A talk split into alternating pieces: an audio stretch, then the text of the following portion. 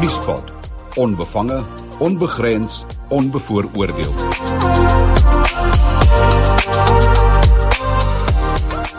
Wel uh Isak uh bloot histories gesproke kan ek dink aan al die ontledings wat ek die laaste 10 tot 20 jaar gedoen het was daar elemente van faksiegevegte binne die ANC tydens die Mbeki era, die Zuma era, Ramaphosa en so meer. So dis nie iets nuuts nie. Wat wel nuut is, hmm. is die feit dat leiers van binne die ANC die ernstige aard daarvan begin uitwys. En hier is president Ramaphosa wat openlik praat van 'n huis wat besig is om af te brand. Gwen Ramaphosa wat natuurlik baie naby aan president Ramaphosa staan en wat natuurlik gesekondeer is om waarskynlik die rol van of Jesse Duarte oor te neem of die rol wat Ismagashule moes gespeel het as sekretaris-generaal. So sy gaan 'n leidende rol speel binne die party vorentoe. Van daar ook haar posisionerings in die verband. Maar kortom, die krisis binne die ANC is waarskynlik nou groter as wat dit ooit was en uh, ek dink 'n mens kan nie ontken dat dit 'n organisasie is wat voor reuse uitdagings staan. Andrei en en dis die punt wat ek uh uh wat ek op wil uh, klem lê is uh, ek bedoel ek en jy gesels nou al baie jare politiek uh van 2012 se tyd af. En en en soos wat jy nou gesê het, daai faksiegevegte is nog altyd daar gewees, maar jy nooit nooit nooit nooit tot nou ander dag toe het jy gehoor dat iemand sou erken dat daar faksiegevegte is nie. Daar's altyd daai kombers oorgetrek en hierdie beeld van eenheid gevestig. Ehm um, en en die probleme is onderlangs uitgesorteer en nou ewe skielik kry jy 'n president van die party en 'n senior uh ANC lid ehm um, en en en ook ander wat in die openbaar daaroor praat. Wat wat dink jy is besig wat het verander? Wat is besig om te gebeur uh as jy dit moet ontleed? Isak, ek dink hier het 'n paar dinge verander. Uh wat basies die erkenning motiveer. Die eerste is dat die ANC as party 'n party in krisis is wat nie meer presteer nie. As ons 'n kort kyk na sy prestasie in die mees onlangse verkiesings nasionaal provinsiaal enerzijds waarin bo 50 geëindig het maar steeds onder 60 en dan na die ander kant toe die hele kwessie van uh, die party se prestasie tydens die uh, plaaslike verkiesing van einde verlede jaar waar hulle met 'n persentasie van minder as 50% uh, eh, deur die stelsel is. Nou dit is 'n aanduiding van 'n party in krisis as jy reken dat die party in die tyd van Thabo Mbeki so 'n persentasie van omtrent 69%. Dis meer as 'n 2/3 meerderheid gehad. Dis die een kant van die saak. Die tweede kant is dat ons in Julie verlede jaar waarskynlik die grootste gewelddadige verset gehad het uh tot nog toe in Suid-Afrika ten minste sedert 94 waar meer as 300 mense gedood is, meer as 50 miljoen se skade aangerig is. En wat baie duidelik is, is dat daardie uh, onstabiliteit gemotiveer en geïnstigeer is van binne die ANC en in besonder van binne die veiligheidssektor binne die ANC die sogenaamde veiligheidskluster. In daai sin verwys uh, president Ramaphosa ook daarna as 'n tipe van 'n gepoogde staatsgreep.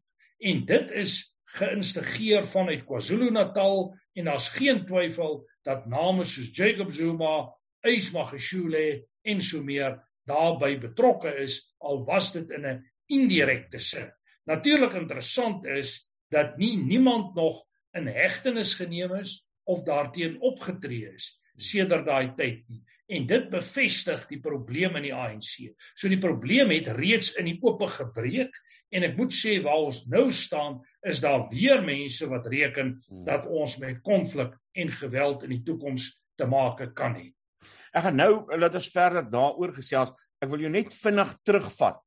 Uh, uh toe ek Nuuspot in uh 2020 begin het, was een van my gewildste onderhoude uh die een van jou waar uh jy die ander ontleeders op jou lyf gehad het oor jou uitsprake oor Cyril Ramaphosa. Ehm um, en, en en as jy nou gaan mooi dink dat die Ramaphosa van toe wat jy uh ehm um, in daai tyd ontleed het.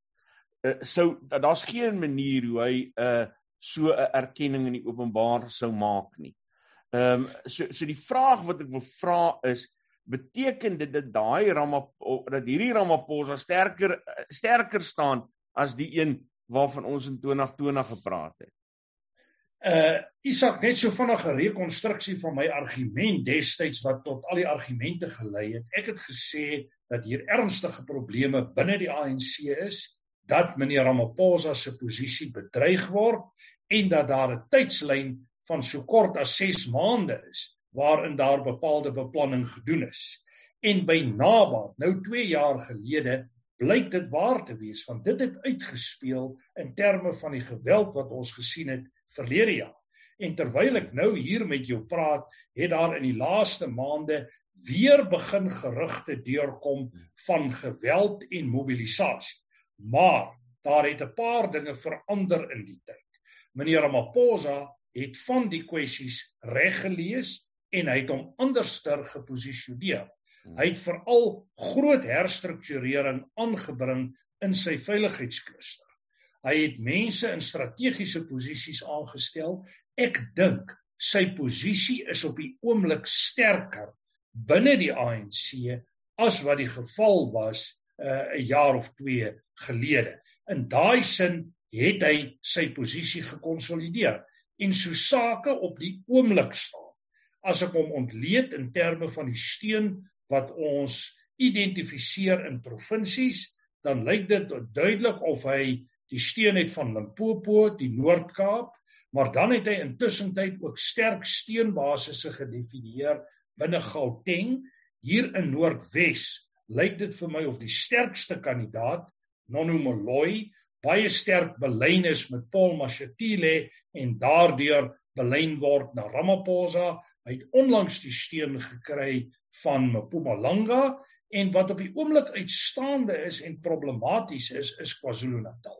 KwaZulu-Natal is duidelik 'n probleem vir meneer Ramaphosa. En dan is daar ook elemente in die Ooskaap. En hier moet mens dalk die naam Gwedi Mantashe lees. So ek wil maar net sê dat ek dink meneer Ramaphosa se posisie is sterker. Hmm. In dieselfde asem moet ons sê die party is swakker in terme van breë steun as wat hy was daardie tyd so dat het steun gepad en hy moet nog magsbasisse op kritieke punte konsolideer maar op hierdie stadium uh, as daar nou 'n verkiesing binne die ANC is dan moet meneer Ramaphosa die gunsteling wees ek is weliswaar bekommerd oor die stilte binne die raamwerk van die RET groep jy hoor baie min van die Zumas, van die Ysmageshules, van die Supramoamopelus.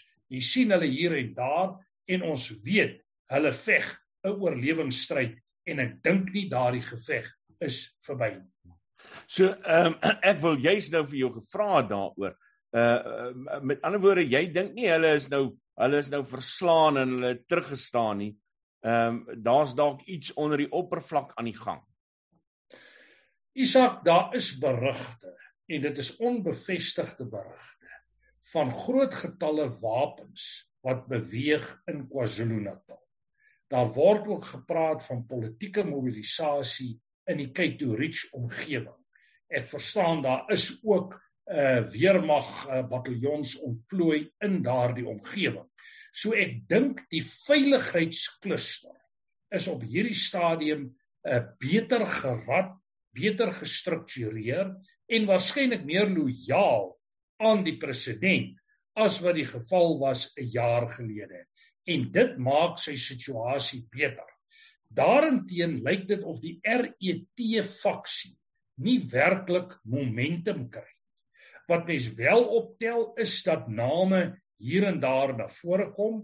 In KwaZulu-Natal kom die naam van Zweli Mkhize telkens op en hy lyk of hy gekroon word as die gunsteling om oor te neem vanuit 'n KwaZulu-Natal perspektief en mag hy geplaas word as 'n opponent teen meneer Ramaphosa. Ons hoor gereeld die naam van Lindiwe Sisulu. Sy het eh, rondom 8 Januarie daai omstrede uitsprake gemaak en my verstaan is dat sy aktief polities mobiliseer. Ek is bewus daarvan dat meneer Supra Mohamopelo betrokke is by 'n klomp goed en dan wat baie interessant is is dat die EFF in terme van sy standpunte en simpatie baie naby aan die RET faksie beweeg mm. en dit wil eintlik vir my toenemend lyk of jy aan die een kant die Ramaphosa lyne het met 'n redelike gematigde inslag ek hoor by veral DA lede en ek het by uit meer as een oort op meer as een vlak gehoor dat die ANC bereid is om met hulle in gesprekke te tree met samewerking maar dan aan die ander kant kry jy die RET die BLF groepe jou swartmag groepe die EFF en al daardie groeperinge wat betrokke is en eintlik besig is met 'n mobilisasie teen die establishment Wel, ek moet vir jou sê as as 'n ou net op grond van waarneming gaan net om uh, by daai punt aan te sluit oor dit wat jy uh, van die DA gesê het. Uh, net op grond van waarneming lyk dit al klaar vir my of daardie laaste tyd 'n baie gemakliker verhouding is tussen John Steenhuisen en uh die president uh wanneer hulle interaksie met mekaar het uh in vergelyking met 'n jaar of 2 gelede waar hulle omtrent kort kort mekaar se koppe wil afbyt.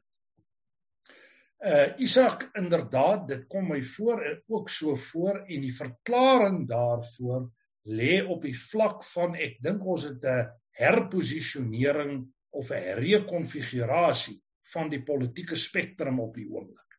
En die breuklyn loop binne die ANC. En dit kom my voor of jy toenemend kyk na 'n meer gematigde groep wat sentrum en dalk selfs regse gematigde en regse partye insluit en dan sit jy toenemend met 'n groepering wat baie radikaal is en is interessant vandag hoe die EFF en ander groepe gemobiliseer het op 6 Januarie Jan van Riebeeck dag en wat daar aan die gang is. En ek moet eerlik sê ek verwag dat die politiek van Suid-Afrika die toekoms van ons politiek gaan toenemend bepaal word deur die geveg of die stryd tussen die gematigdes uh konstitusionaliste as jy dit so wil noem aan die een kant en jou meer revolusionêre groepering.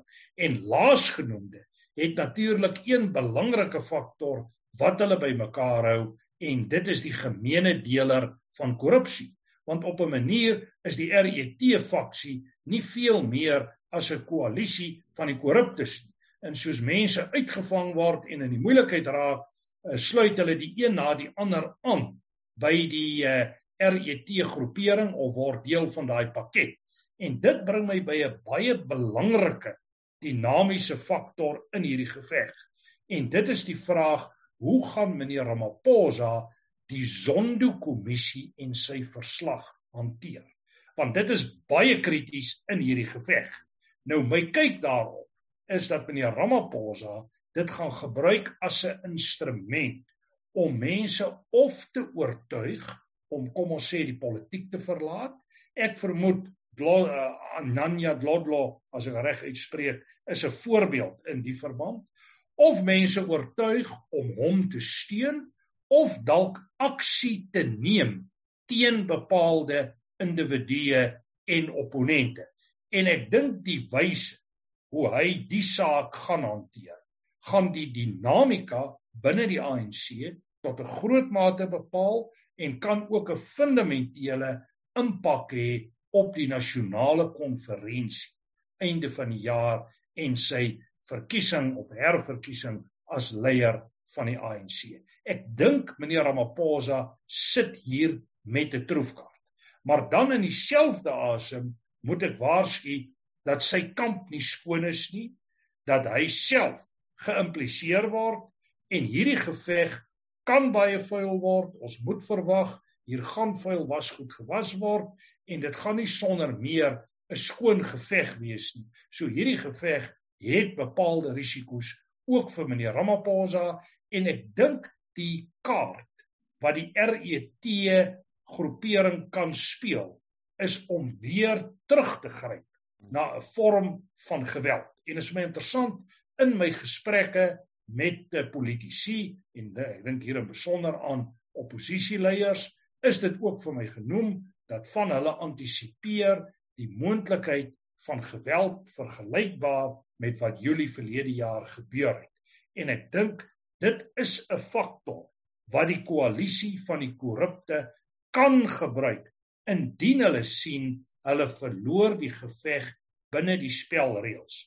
En op die oomblik wil dit lyk of die ANC die spelreëls en die skuiwergate toegemaak het asof die prosesse redelik gunstig loop vir meneer Ramaphosa met uitsondering van KwaZulu-Natal, die Oos-Kaap en kom ons noem dit 'n paar segmente hier en daar in die provinsies. Kom ons uh, sluit gou-gou af ehm uh, uh, Andre uh, ten opsigte van hierdie gesprek. Mens kan nooit iets afsluit wanneer mense hier oor praat nie, maar nee, vir die doeleindes van hierdie gesprek, daar word geluide gemaak van 'n uh, kabinetskuive uh in die lig van dit wat ons nou vir mekaar gesê het, hoe groot is die moontlikheid?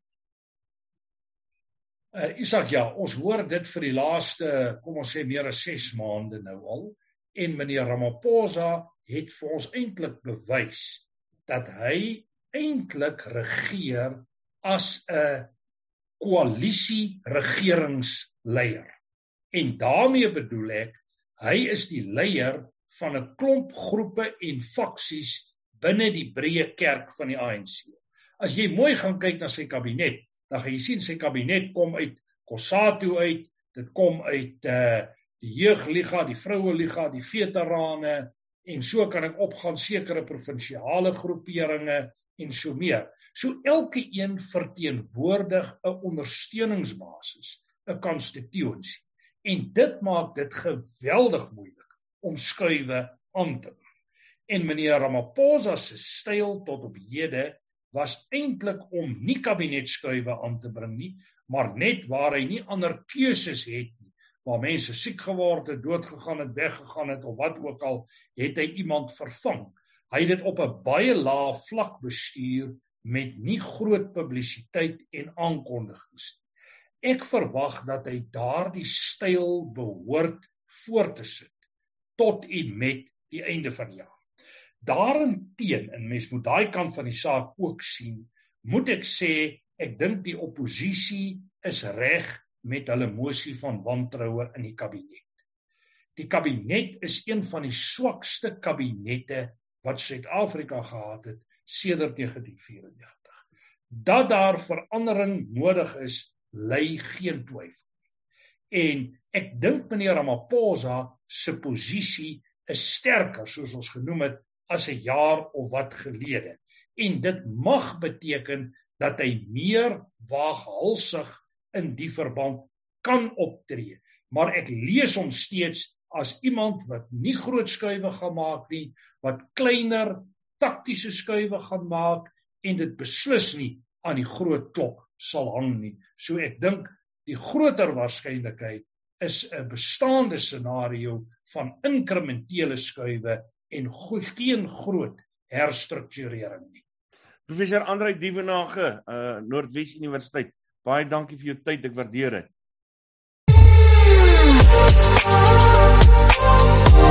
Nuuspot. Onbevange, onbegrens, onbevooroordeel.